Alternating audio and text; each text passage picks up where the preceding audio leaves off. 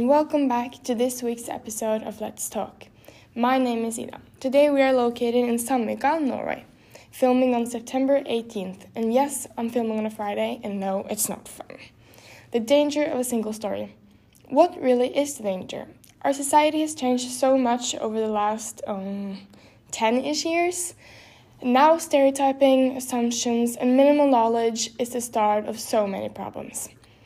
The Danger of a Single Story is the name of a TED Talk performed back in 2009 by a Nigerian writer and woman named Chimamanda Adichie.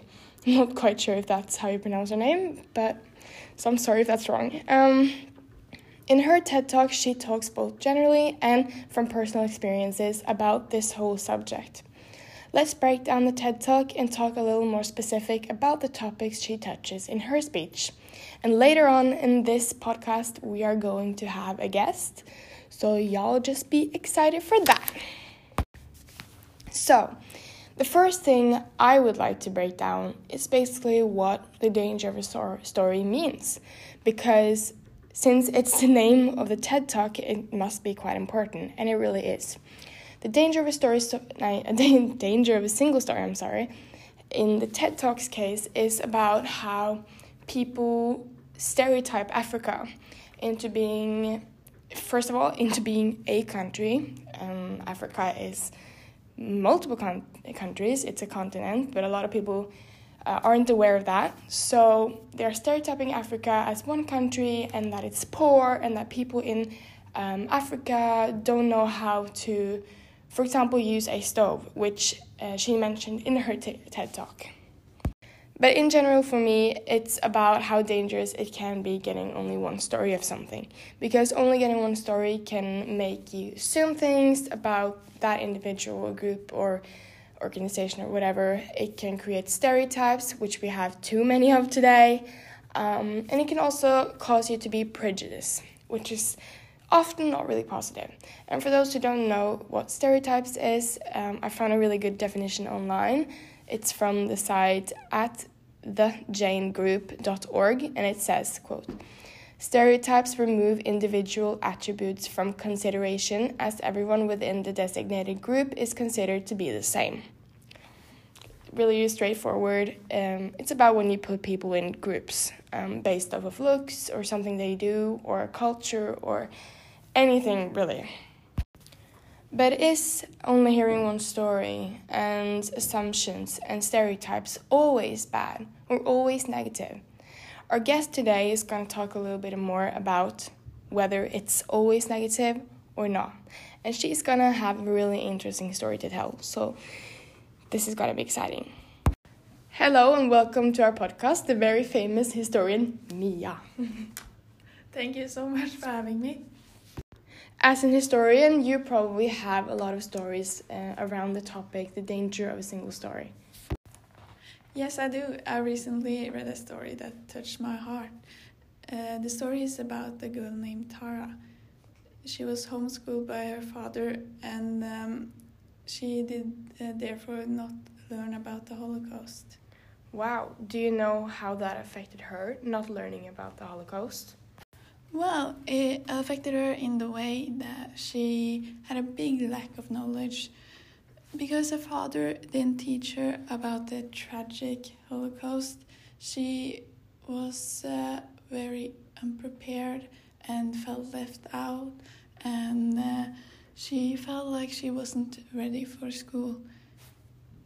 Do you know the reason why her father did not teach her about the Holocaust? Not really, but I think the reasoning to why she didn't learn about Holocaust was because her father didn't believe in the way that it happened or if it happened at all. Wow, I find that I find that really weird because I don't understand how someone does not believe in it, but that's really none of my business. Um, do you have any like big events that you that has happened and that you feel like the upcoming generation should be taught? Yeah, the 9 11. What is 9 11? Like, what happened? 9 11 is a terror attack that happened on uh, September 11th in 2001. It was uh, planned by 19 Muslim attackers that was trained by Al Qaeda. The um, terror attack was planned for several years. Uh, it happened when some terrorists hijacked a few planes and uh, flew them straight into the Twin Towers in New York, causing several thousands of people to die. Oh my god. Why do you think it's important that we learn about 9 11? Well, first of all, it's uh, one of the worst terrorist attacks that has ever happened in America, and it has uh, led to several people categorizing Muslims as terrorists. Yeah, and like everyone categorizes Muslims as, as terrorists, and it's a problem that we deal with today. So I agree that it's important that we learn about one of the biggest reasons why yeah. Muslims are being stereotyped as um, terrorists. Do you have a last topic that you feel is important that we teach the upcoming generation? Yeah, I feel like uh, racial segregation is an important topic. Hmm. Why do you think it's important? Racial segregation has always been a big issue. Back in time, it was really bad. Black people and white people was totally separated. Many government agencies actually started to draw maps dividing cities into sections. This type of uh, dividing is called redlining. The banks were more willing to lend money to a low income white family than a high income black family. Wow. Come a long way, now it's not as common, but unfortunately it still happens. It mostly happens online, but earlier this year, a black man named George Floyd was killed by the police. This caused protests known as the Black Lives Matter protests. Do you know how he died? He died by strangulation. Do you think racism is gonna disappear? Because I personally I don't really think it's gonna disappear. It's probably gonna be minimalized, but it's still gonna be there. And now that young people have uh, accessibility to the internet and social media, it's easier for them to kind of be racist without even thinking about it.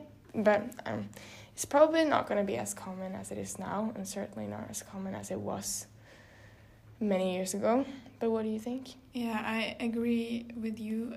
Um, I'm not sure it's going to disappear completely, but I think it's um, going to get way better than it's right now, at least in America, because the Black Lives Matter protests are a big thing now, and yeah, I certainly hope it's going to get better. Mm, I do too.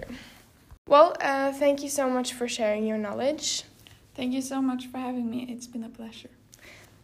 So, as we just heard, Mia told us a lot about how dangerous it can be only getting one story, but also how a lot of these issues are affecting our society right now.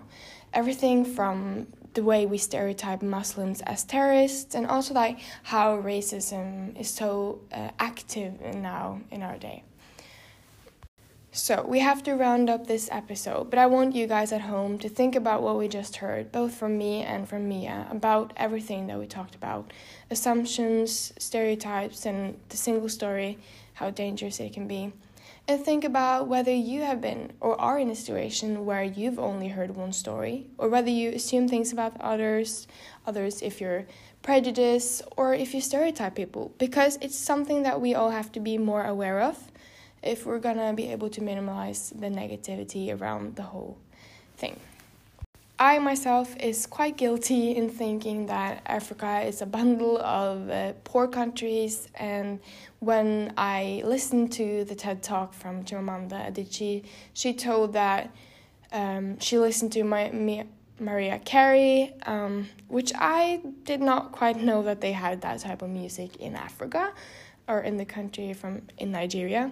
Um, so I am guilty of listening to that one story, but I think if we educate everyone, um, so that everyone can hear different stories of different sides of that stuff, then we are able to eliminate that, um, the danger of that single story. But yes, please uh, talk to your family or think for yourself um, about how you might be um, prejudiced or the stuff that I said earlier.